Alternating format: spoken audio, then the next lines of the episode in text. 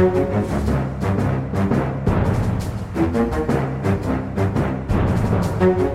setter vi i gang med en ny episode av Aftenpodden USA. Og så er det sånn at jeg, Øystein Langberg, som vanlig er på plass på Manhattan. Men i dag så er det ikke i New York det store skjer, det er Oslo som er sentrum.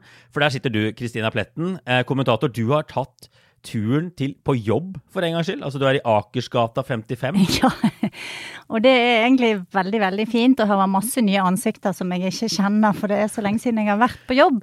Eh, men jeg har jo da Jeg sitter her nå i studio sammen med en celeber surprise-gjest, Ja, som du kanskje ja, skal få introdusere. jeg- Ja da, det er derfor jeg sier at det er der det skjer i dag. For vi har med oss også E24s samfunnsredaktør, og da tidligere statsråd, får vi si, Torbjørn Røe Isaksen. Så velkommen til deg også. Tusen takk. Hyggelig å være her, rett og slett. Ja, veldig bra.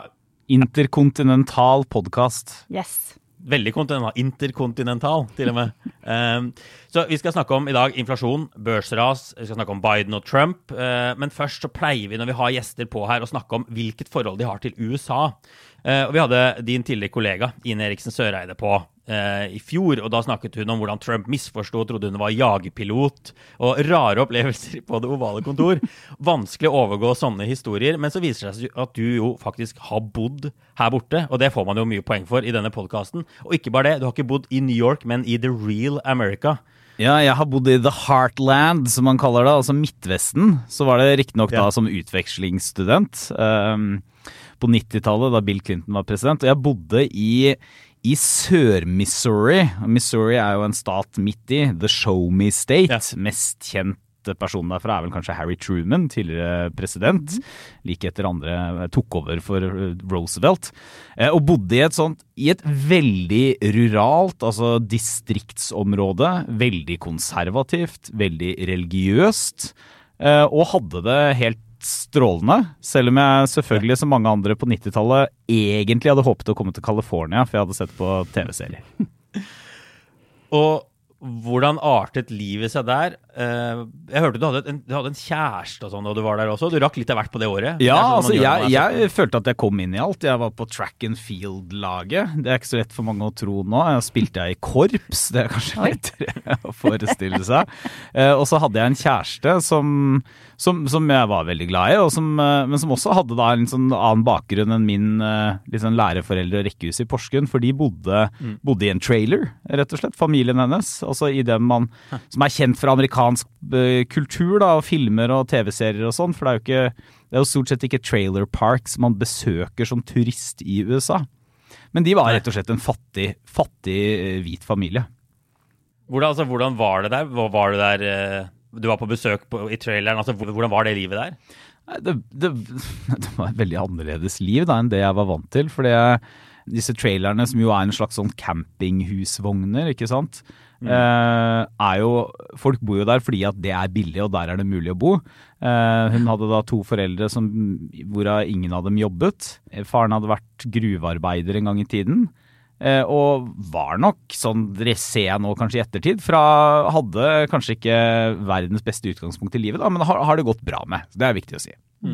Det er jo eh, faktisk millioner av amerikanere som bor sånn, og det er ikke bare sånn som man ofte ser på, på film, liksom de som er aller verst eh, og aller nederst på rangstigen med, med rus videre. Det er også veldig masse vanlige familier som bor på den måten, og det er kanskje ikke det mest komfortable livet, men det gir de i hvert fall muligheten til å ha sitt eget hjem, Og, og, og det er et veldig godt poeng, for det er veldig stor forskjell på disse forskjellige områdene.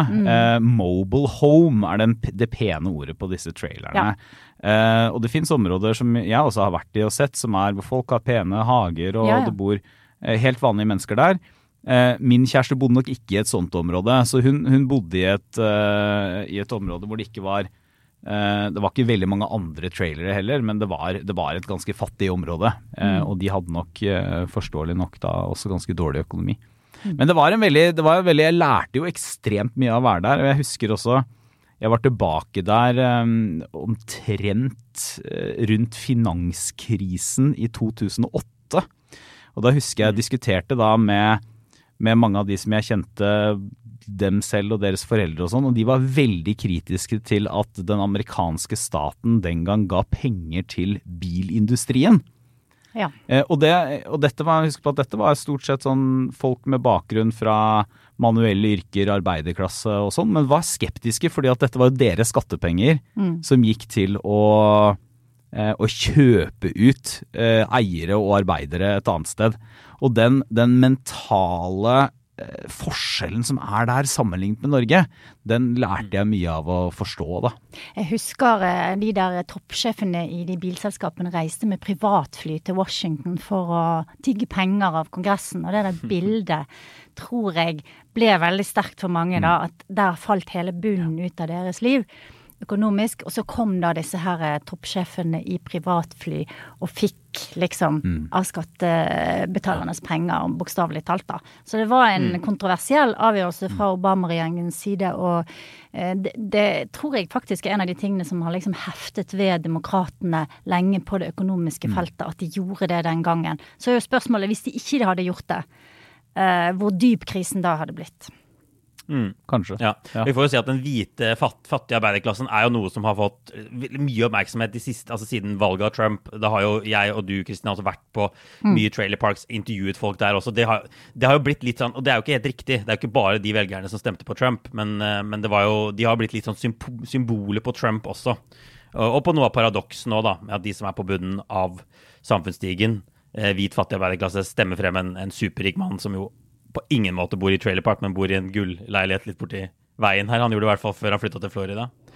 Men, men jeg har bare lyst til å spørre deg også. altså, eh, Du har jo lenge vært opptatt av ideologi, du har skrevet bøker om konservatisme. altså Hvor viktig har USA vært her, altså når, når du snakker om måte, mer politisk inspirasjon? Ja.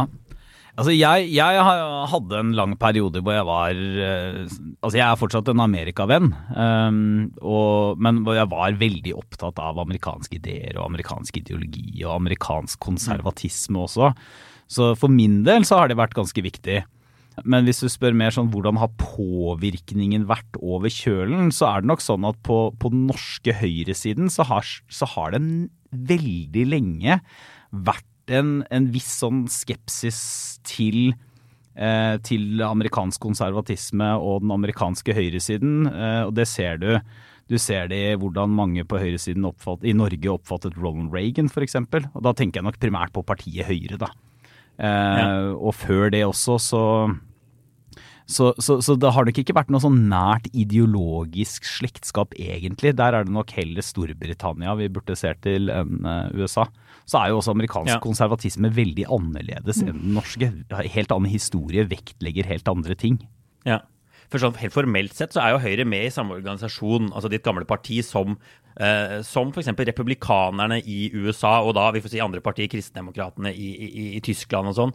Eh, men, men altså, hvor tette er de båndene der? Det er ikke noe man føler at det har blitt spilt veldig opp, i hvert fall, de Ja. siste fire-fem årene. Nei, altså nå, nå har jeg sett dette sånn fra innsiden som politiker, så, så, så det noe, dette går ikke an for meg å lage en sånn uavhengig analyse av. Men, men, eh, men Høyre er med i samme internasjonale organisasjon som republikanerne.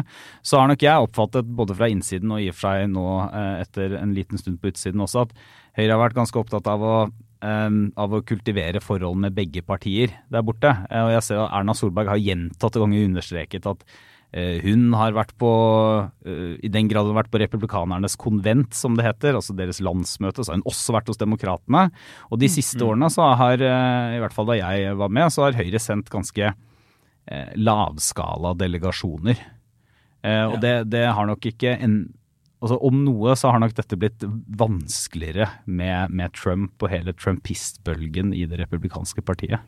Tror du det er noen republikanere i Kongressen i dag som på en måte kunne passet inn i det Høyre som eksisterer i Norge i dag, sånn politisk? Altså Hvis man skal grave litt ned, da, så, så, er jo, så representerer jo Høyre i Norge, etter min mening, representerer jo det som amerikanerne vil kalle Rockefeller republicanism. Altså en mer liberal, moderat form for konservatisme. Det er en utdøende gren i det republikanske partiet, eh, helt, helt åpenbart, og har vært det lenge. Men, men eh, det finnes nok enkeltpolitikere som mer sånn av lynne kunne passet inn også i et eh, sentrum-høyreparti som, som Høyre er. På samme måte som det finnes demokrater som helt åpenbart kunne passet inn i et sentrum-venstreparti som Arbeiderpartiet. Mm. Eh, men, men, eh, men det er veldig vanskelig å oversette fordi at amerikansk politikk er så grunnleggende annerledes. Altså, jeg husker jeg var der borte en gang på, da jeg satt på Stortinget, og da eh, snakket vi med en veldig liberal og progressiv eh, delstatsmedlem i Massachusetts, som jo er en veldig demokratisk stat, som fortalte at hans store kampsak det var å få innført en eller annen form for liksom, eh, statlig, delstatlig sykelønn. Og da vi fortalte at i Norge så har du full lønn under sykdom i tolv måneder, og det er, er ikke voldsomme store debatter om det lenger, så, så du blir jo slått i bakken. ikke sant? Det er en helt annen politisk skala.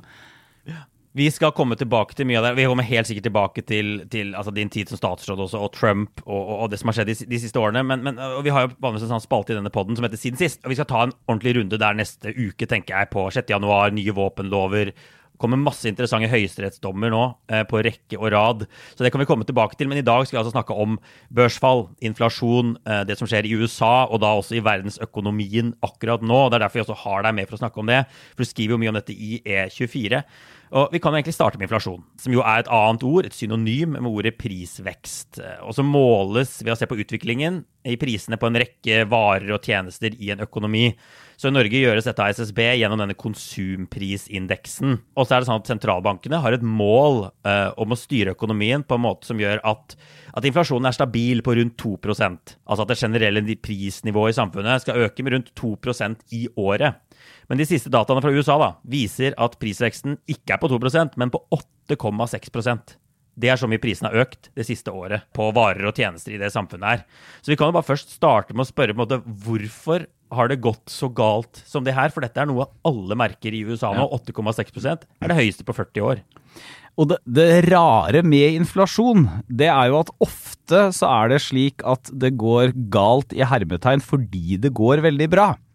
Eh, og amerikansk økonomi går så det suser. Og hva betyr det når en økonomi går bra? Jo, det betyr f.eks. at arbeidsledigheten går kraftig ned. Det er mange mennesker som er der ute og bruker penger. Og delvis så skyldes nok det at uh, man har spart opp litt penger og brukt mindre i, uh, under pandemien. Eh, og så kommer inflasjonen da fordi at eh, i hvert fall det er én måte inflasjonen kommer på, at etterspørselen vi, vi, krever mer og mer, men det blir ikke flere mennesker tilgjengelig til å jobbe i restauranter og barer eller serviceyrker eller industri eller noe annet av den grunn. Og da går, mm. da går prisen opp. Og så er, jo, så, så er, jo, det som gjør dette sånn dramatisk på flere forskjellige måter, det er at amerikanerne har da også brukt veldig mye offentlige penger under pandemien. De har hatt svære tiltakspakker under Trump, mm. men også under Biden. Så det betyr at da har staten også puttet enda mer penger inn i økonomien, som gjør at eh, det blir enda flere penger å bruke, rett og slett, som gjør at aktiviteten går enda høyere opp igjen. Og det, ja. det som er det, det, spesielle nå, er jo at det er ikke bare at The Fed skal øke rentene litt fra et nivå som har vært veldig, veldig lavt, altså den amerikanske føderalbanken, Norges Bank i USA egentlig. Mm. Det, er, det, er, at inflasjonen er høyere enn på 40 år, og, og, og Norges Bank i USA, altså Fed, sier vi kommer til å gjøre omtrent hva som trengs for å få den ned, inkludert å kjøre økonomien inn i en resesjon. Altså, vi må få ned aktiviteten i økonomien for å få prisveksten ned. Og siden vi nå har en tidligere minister og en økonom, du Øystein, på, med på poden her, så skal jeg spille rollen som, eh, som folkets, folkets, eh, spørrer. Og du nevner sentralbank og The Fed. Eh, det er en sammenheng mellom dette med at renten går opp og inflasjon. Jeg tror sikkert at mange sitter og hører på dette nå og lurer. Mm. Hva er egentlig en sentralbank, og hva er liksom forholdet mellom Eh, rente og inflasjon. Går det an å forklare dette på en, på en enkel måte? Ja, Øystein, Øystein, er jo fagøkonomen her, så jeg er jo en uh, ussel statsviter og tidligere politiker med litt idéhistorie på slep. Men jeg følger jo økonomi, og særlig skjæringspunktet da økonomi og samfunn for, for E24. Så, så, så, på overflaten så er den korte og enkle forklaringen det er at eh, sentralbanken, som er de som litt enkelt forklart det er både bankenes bank, altså det er der bankene låner penger, men så er det også de som har ansvaret for statens penger. De har et mål om at inflasjonen ikke skal være høyere enn 2% eh, Altså at prisene ikke skal stige mer enn 2 Prisene skal ikke stige mer enn 2 ja. Og hvis de stiger mer enn det, så må renta opp. Det, det er liksom det enkle svaret. Altså, hvorfor har de det målet? Jo, det er bl.a. fordi at hvis inflasjonen begynner, altså prisstigningen går veldig kraftig opp, så er man redd for at også lønnskravene skal gå kraftig opp. Og Det ser vi klare tegn til i USA akkurat nå. Eh, og da kan du få en såkalt pris- og lønnsspiral. Og hva i alle dager er det? Jo, det er rett og slett at folk forventer at prisene skal øke så mye neste år at de må be om enda litt mer lønn.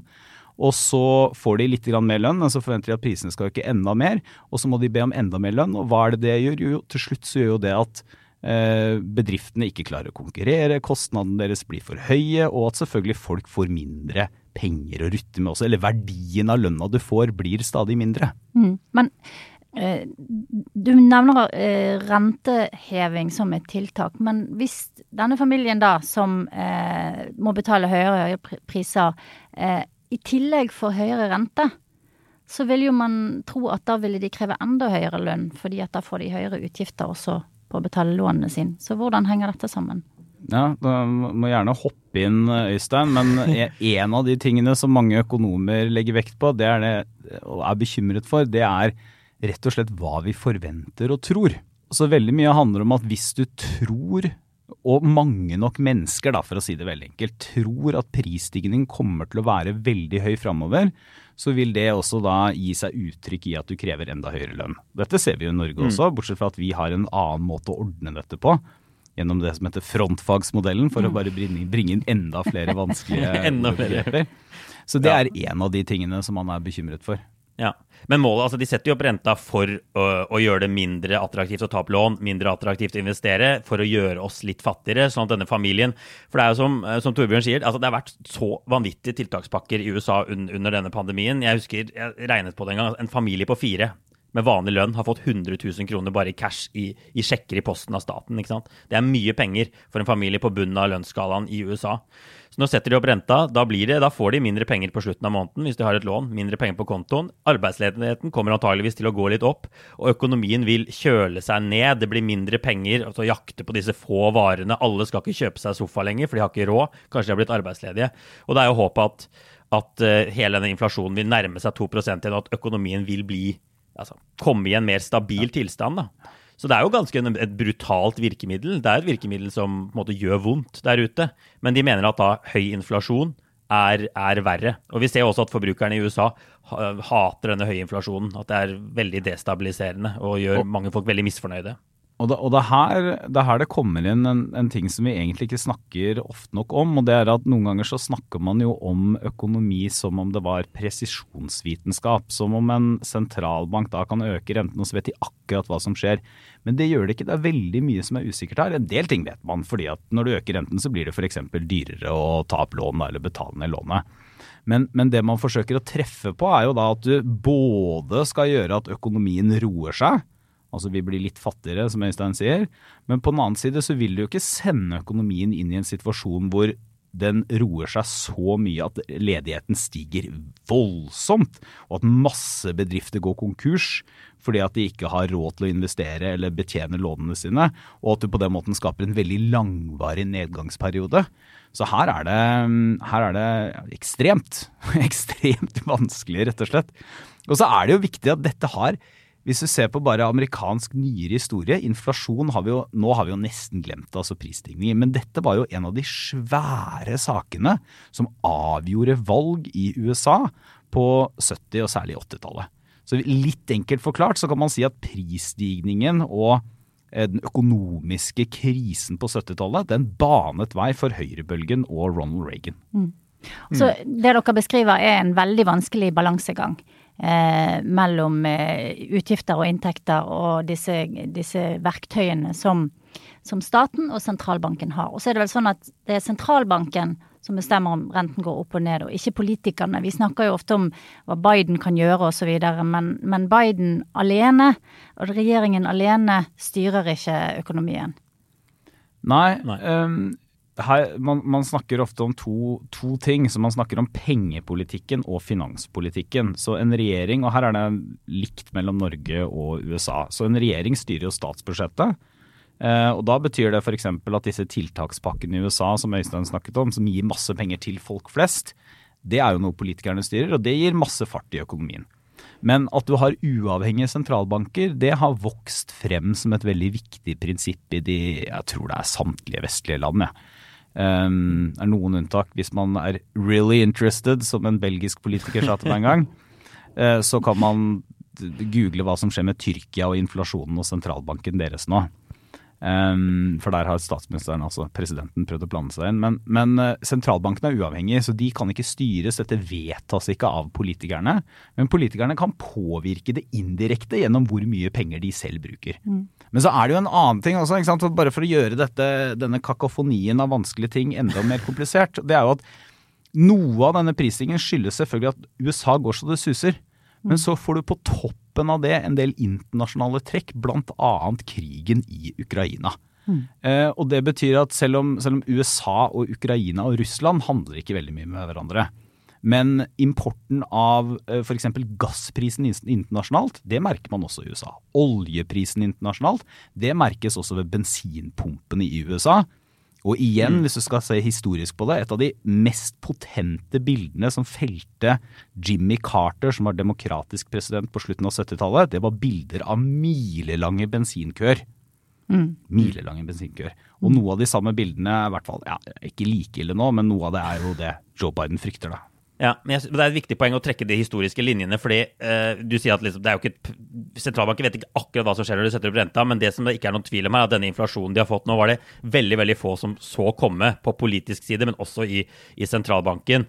Og jeg, jeg har sett folk skrive at etter finanskrisen, særlig i USA, så trakk de en lærdom, Obama-administrasjonen, økonomene der, om at det ikke tok hardt nok i. tok altfor lang tid å få USA ut av krisen. De burde brukt mye mer penger. Og siden så har jo sentralbanken eksperimentert med lave renter i lang tid. De har trykket penger i stor skala uten at det hadde noe særlig effekt på inflasjonen.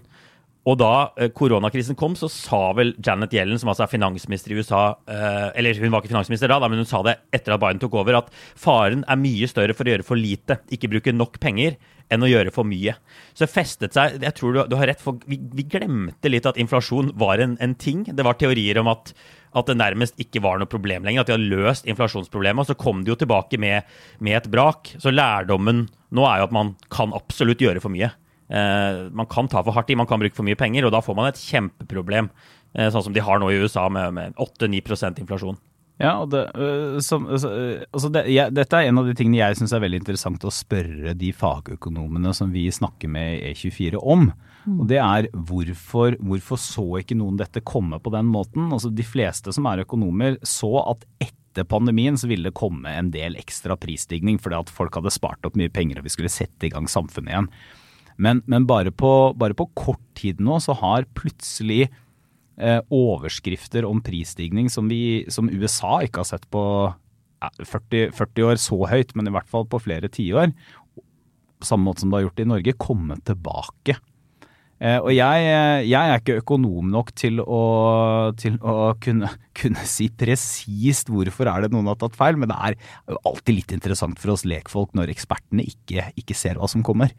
Men det var jo veldig rart, fordi veldig lenge så De snakket om sånn team permanent og team mm. temporary. Mm. Altså det var liksom to lag som, som knivet om denne infl in, um, inflasjonsteorien. Og mange på Team Temporary var altså på Bidens side og sa at dette her er bare mm. midlertidig. Det er fordi vi har gitt eh, støtte under koronakrisen osv.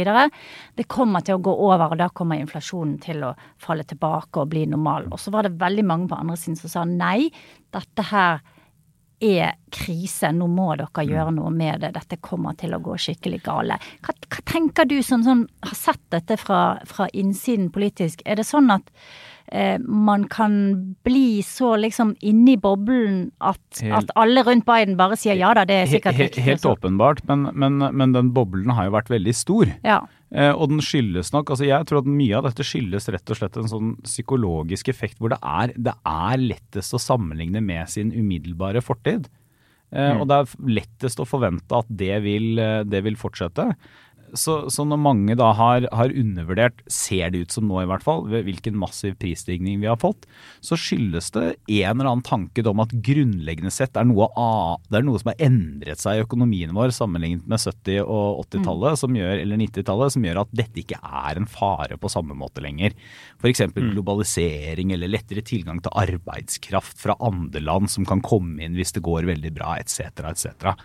Men, men ja. det interessante syns jeg også, som, som, prøver å se litt på skjæringspunktet mellom politikk og økonomi, er jo at dette har jo en viss sånn politisk slagside også i den forstand at eh, en del av liksom høyreøkonomene i USA eh, har tradisjonelt vært mye mer opptatt av inflasjon, fordi at da kan de også si at staten må ikke bruke mer penger, for det skaper inflasjon på sikt enn mm. da mer liberale, mer venstreorienterte økonomer. Det er veldig generaliserende, altså, men det er en viss sånn ja. tendens der. Mm. Og det, det endret seg jo under Trump. Ja.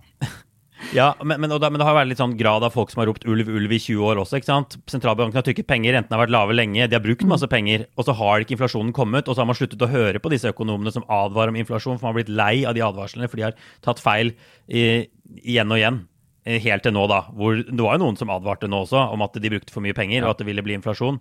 Og nå fikk de rett, da, til slutt. Det, det kom en bok nylig om, eh, om en sånn et medlem av uh, sentralbankkomiteen i USA som avgjør bl.a. disse spørsmålene. Jeg tror han er fra Kansas, uh, som er fra, fra, banken i Kansas. Litt annerledes satt sammen dette her i USA enn i Norge. Og han, han har vært en, en sånn lone dissenter Sånn den ene mm. stemmen som mot alle de andre har advart mot at dette, dette går ikke. Dette kommer til å krasje på et eller annet punkt. Mm. Men jeg, jeg, må jo si også i, i norsk økonomi òg, debatten har jo, når vi har snakket om oljepengebruk og hvor mye penger vi kan bruke over statsbudsjettet, har jo vært veldig fokusert på sånn fremtidige generasjoner. Tar vi for mye av oljefondet? Spiser vi opp oljefondet? Snarere enn bruker vi så mye penger at det vil bli inflasjon. Det har jo vært en mm. debatt som har vært ganske borte i Norge også. Eh, mens nå er den jo veldig tilbake. Nå handler det jo masse om inflasjon i Norge. Det handler ikke så mye om spiser vi opp oljefondet. Det er jo en del Nei. av debatten også, men det er Nei, det, det, definitivt, men det, det, det skyldes vel kanskje også at vi har spist opp så mye så vi har brukt så mye oljepenger. og Det er også under, under den regjeringen jeg satt i, i høyeste grad. Men det er en, jeg tror mange, særlig i altså Jeg er 42, så særlig sånn i, rundt min generasjon, har jo ikke noe forhold til dette. Altså Vi har levd i en lang periode med relativt lave lån. Eh, I den grad renten har gått opp, så har den aldri gått kraftig opp, og i hvert fall ikke på kort tid, og stort sett gått ned igjen. Eh, norske politikere har også hatt tilstrekkelig antall kriser eh, hvor økonomien har lugget litt, sånn at de har kunnet bruke mer penger. For det er liksom tanken da, at hvis det går dårlig i økonomien, så er det greit at staten spytter inn litt ekstra for å få i gang, få opp temperaturen. Og så skal du holde igjen litt i gode tider. Så, så er nok allikevel eh, Vi er jo rigget som økonomi annerledes enn den amerikanske, men USA er en så svær økonomi at det som skjer der, vil påvirke det som skjer i Norge. Og jeg snakket med en person i går eh, som som gikk veldig langt i å si at blir det resesjon, altså tilbakegang i økonomien i USA, så vil det også eh, treffe Norge ganske direkte. Om det blir akkurat samme type resesjon tilbakegang i Norge, det, det, gjør det nok kanskje ikke. Men, eh, men sjansene for det øker i hvert fall ganske dramatisk hvis USA går inn i en sånn situasjon. En av de tingene som vi opplevde i Norge på slutten av 80-tallet, begynnelsen av 90-tallet, som gjorde at vi fikk oljefondet annet, da var jo at veldig mange folk eh, plutselig hadde høyere lån enn de hadde verdi av boligen. Altså boligmarkedet falt. Så satt du altså med eh, et lån som, eh, som oversteg det, det, du kunne selge boligen din for, så var du stuck. Det samme skjedde i USA i storstilt grad i under krisen i 2008. Masse folk som plutselig satt med svære lån, og boligmarkedet gikk i dass. Og de hadde, de hadde ingen mulighet til å Altså, du hadde ikke lenger sikkerhet for lånet ditt da, rett og slett. Er det noe som kan skje igjen i Norge og i USA? Vi vet jo nå at det sitter masse folk rundt omkring med svære lån. Eh, jeg, og sikkert hører på dette og blir litt nervøs. Eh, går vi mot noe sånt igjen nå i USA, i Norge? Det kan hende, ja. Uh, og nå er det ikke noe grunn til å være uh, altså det er ikke noe grunn til å få panikk på noe som helst måte. Uh, og, og, igjen, så Norge går jo veldig bra, men, men, vi har en del alvorlige utfordringer, vi også. Men vi er et av de mest foreldede land, industrialiserte land i verden. Og så har folk flest i Norge, inkludert meg sjøl, har jo flytende rente, for det har alle eksperter fortalt oss i alle år at det er smart.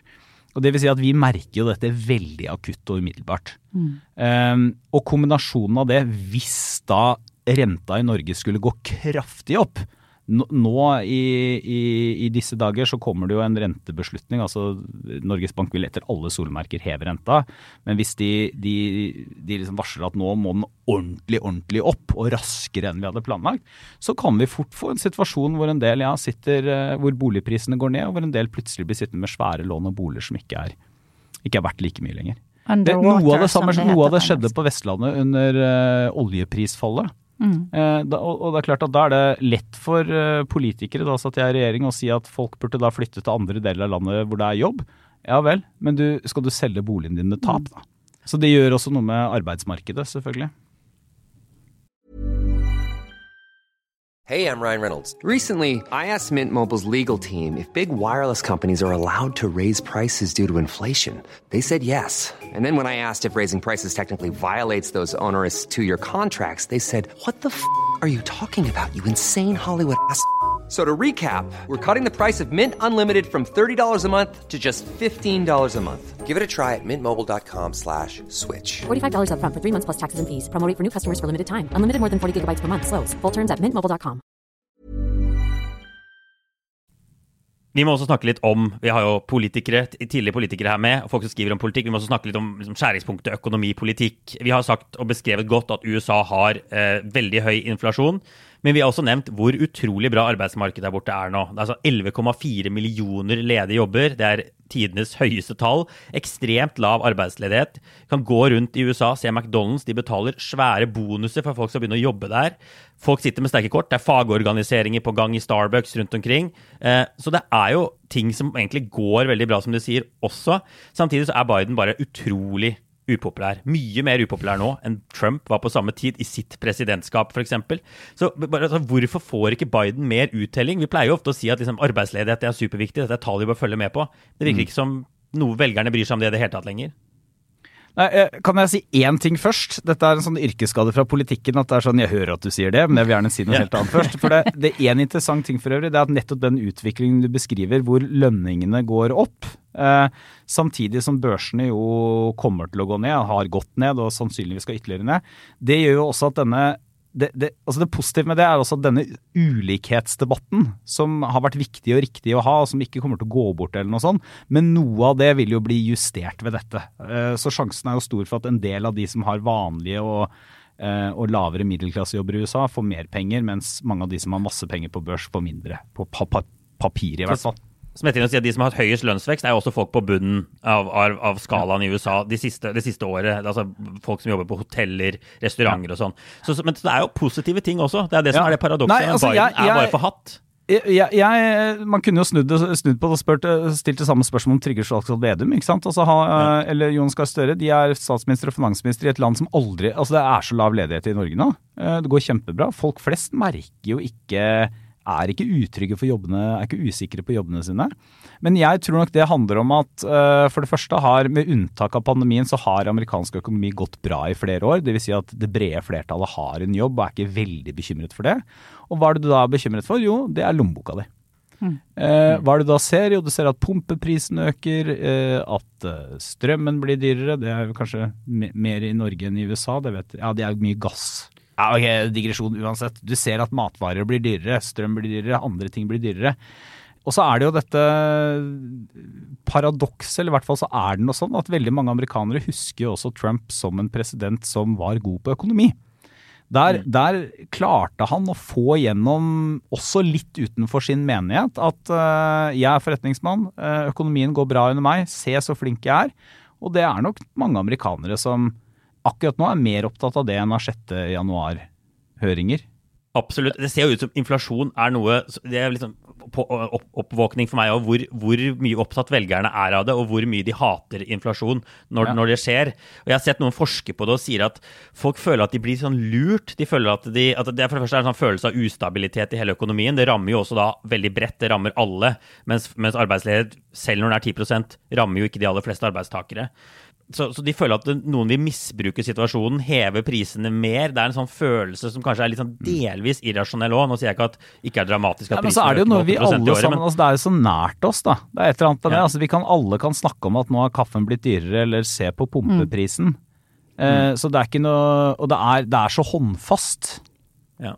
Et par poenger eh, om arbeidsmarkedet i USA. Det er jo det ene er at eh, de har veldig lav arbeidsdeltakelse. Vil si at det er få mennesker i arbeidsdyktig alder som er i jobb, i forhold til f.eks.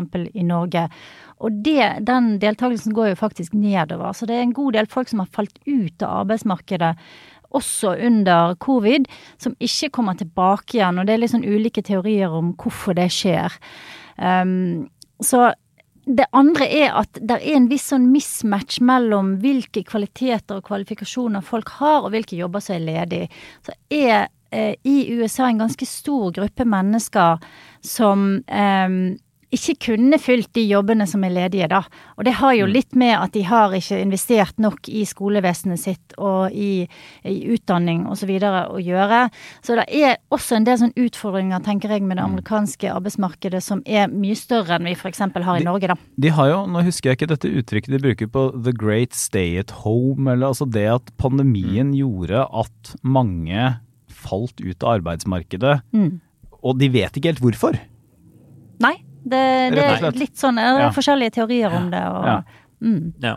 USA har noen, har noen ja, eh, definitivt liksom dype, dype problemer. Og vi ser også når, på meningsmålinger nå, så, så rangerer folk tilstanden i økonomien dårligere nå enn i mars-april 2020, da arbeidsledigheten bare eksploderte og alt stengte ned og sånn. Så det er tydelig at folk bare misliker veldig sterkt eh, det som skjer. Men det er jo en debatt om hvor mye av dette er Bidens skyld egentlig. Vi vet jo, vi ser på målingene, han får skylda. Ja. Men er det han som egentlig, egentlig har skylda? Du sa jo at Trump gjennomførte store, store pakker på forhånd.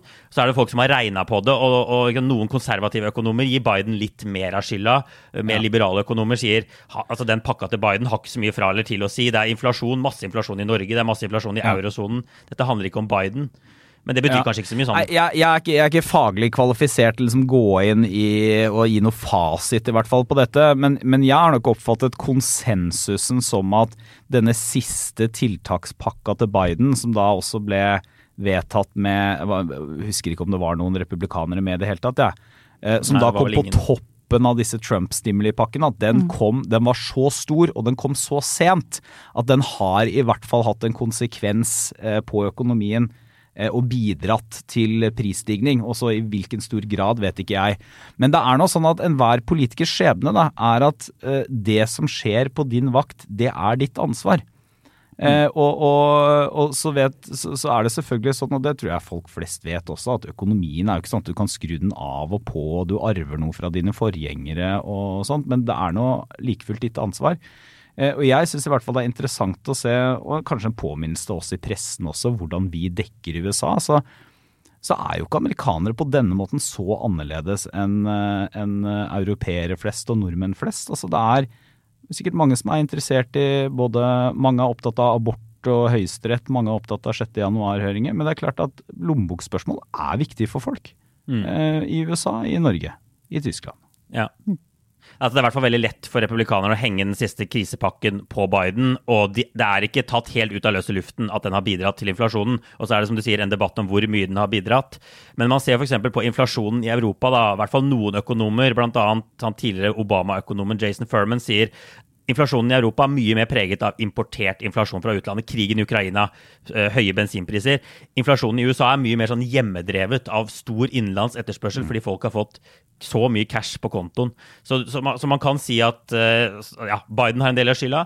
Trumps store pakker hadde en del av skylda, men Trump ser ut til å unnslippe veldig mye her. da, og Selv om Trump jo eh, forsvant ut på et tidspunkt hvor økonomien i USA eh, var veldig veldig dårlig, så ser velgerne tydeligvis mellom fingrene på det. For, for, for, for som Ja, du sier, altså, de, målingene jeg tror de tenker det... at dette, at dette skyldes pandemi, rett og slett. Det ville Ja. vært sånn min forståelse av det. Og da, må du, da, da mener jeg at man må skille, skille på de som er sånn hardcore true believers, altså de som mener at det republikanerne gjør eller det Trump gjør er riktig uansett. Det er liksom en viss andel. Men, men det er jo en del av denne særlige økonomitroverdigheten til Trump som går utover den gruppen også. Den er vanvittig mye høyere blant republikanske velgere enn blant demokratiske velgere. Men dette er noe som han til en viss grad Ja. klarte å etablere som en historie om seg selv. Da.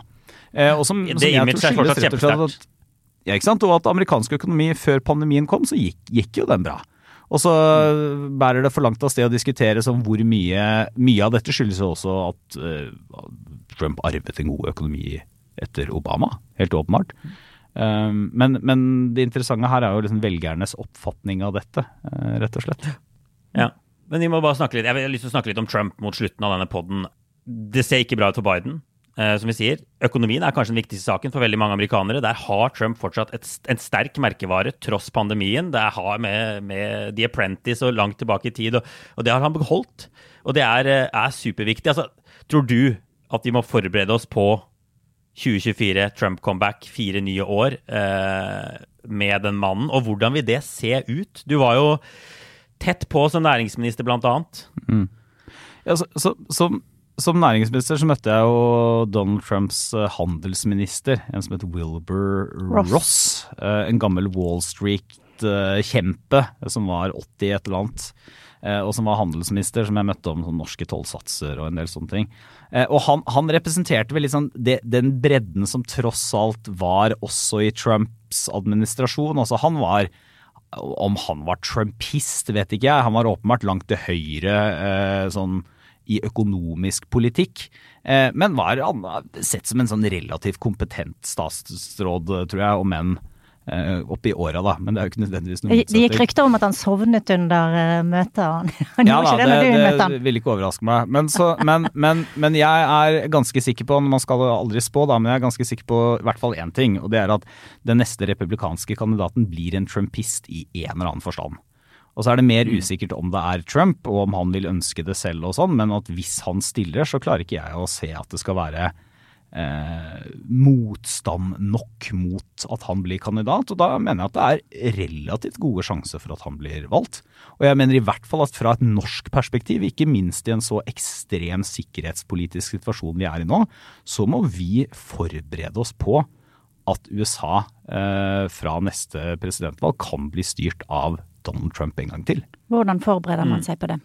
Det første er jo å anerkjenne det, da. Men det betyr jo at uh, for eksempel så må man jo da eh, ja, hva, hva som da vil skje f.eks. om det vil skape ny usikkerhet i Nato. Eh, det gir etter min mening bedre og enda sterkere argumenter for at Europa må Vi må liksom eh, dobbeltsikre oss, da. Altså vi, vi er avhengig av USA inn i Nato. Men, men vi kan ikke være i en situasjon hvor hvis på en eller annen måte tragisk nok USA ikke lenger skulle ønske å være med og garantere Europas sikkerhet, så står vi der nærmest eh, uten noe. Eh, så, så, så, så har kanskje krigen i Ukraina es eskalert mye av denne utviklingen eh, allerede, i og med at nå investeres det tungt i forsvar og militære i nær sagt alle europeiske land.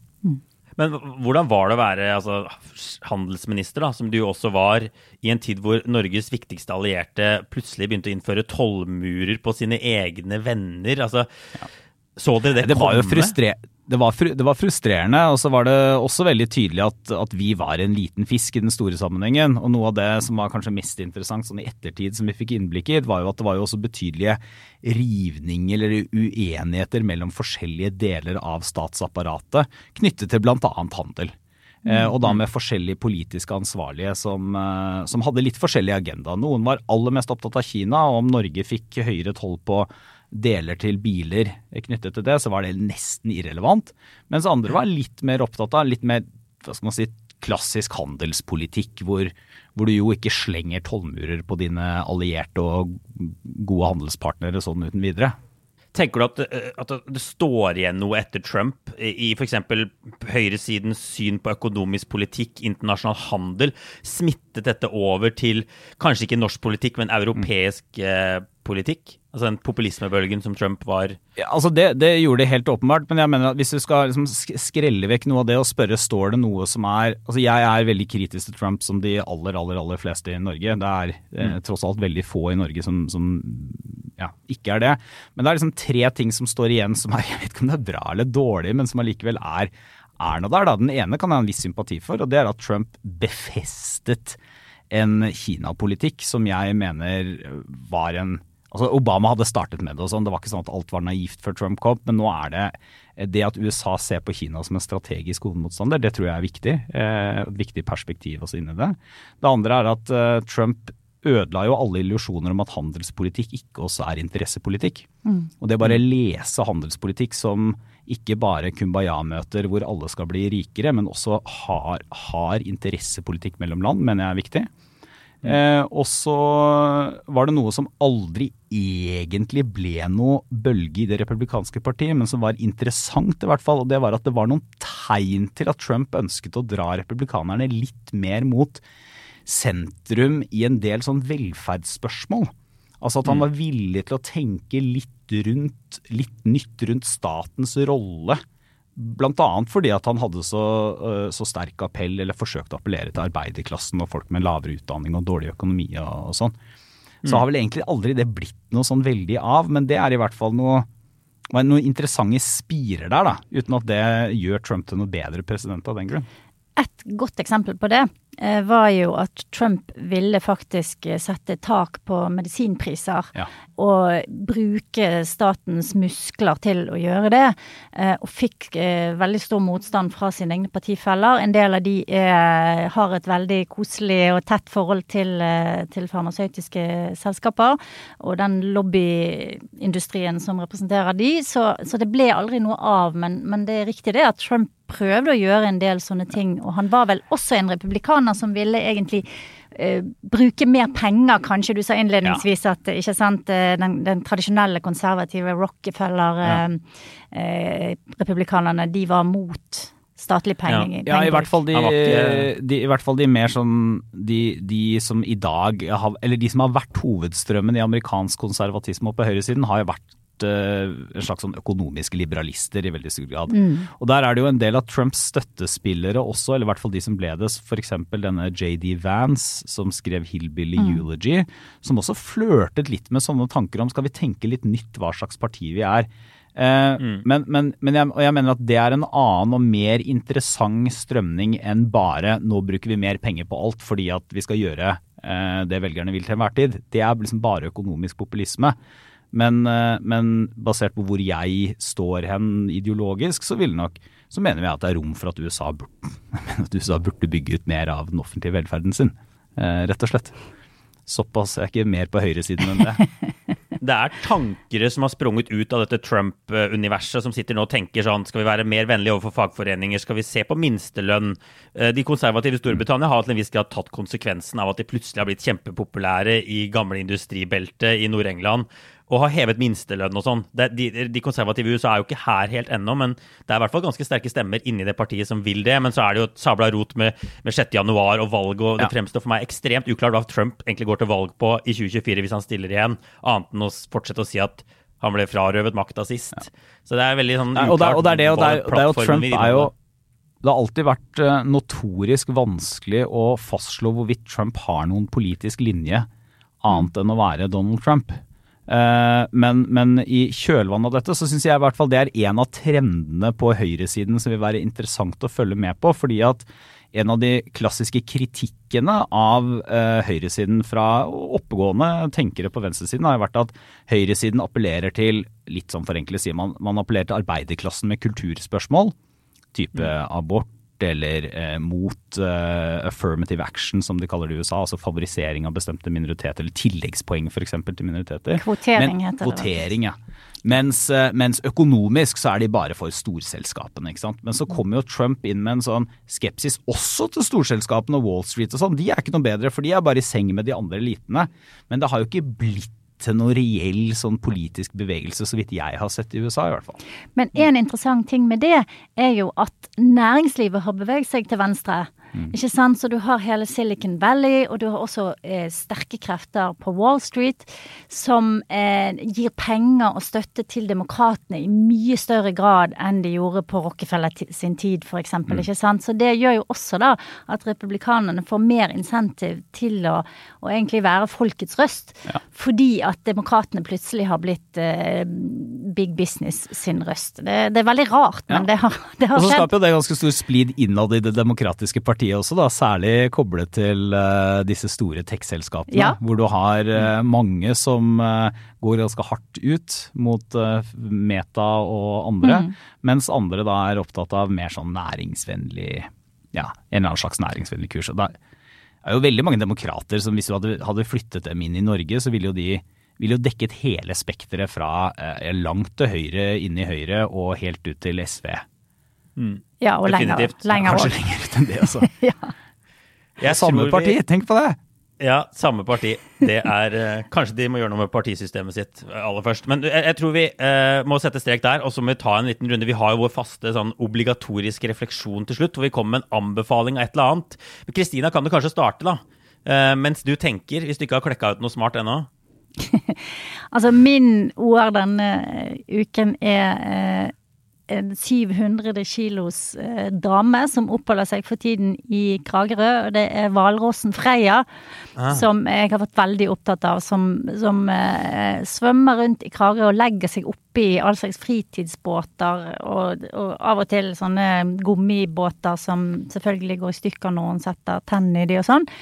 Og det er bare Jeg syns bare det er helt uh, utrolig kult. Og så tenker jeg at uh, vi tar så mye av dyrene sitt eh, sin tumleplass, da. Eh, hver dag så, så kutter vi ned skog, og vi, vi eter oss inn på deres, eh, deres territorier. Så kanskje vi må bare venne oss til det at eh, nå kommer det hvalrosser og legger seg i båten og Nå tar de plassen sin tilbake, på en måte. De der revenge. ja, ja de, hvis ikke de har mer plass, så må de ta litt av vår. Da må de komme inn i vår verden. Det så vi jo faktisk under koronaen, da når folk ikke var ute i gatene. sant?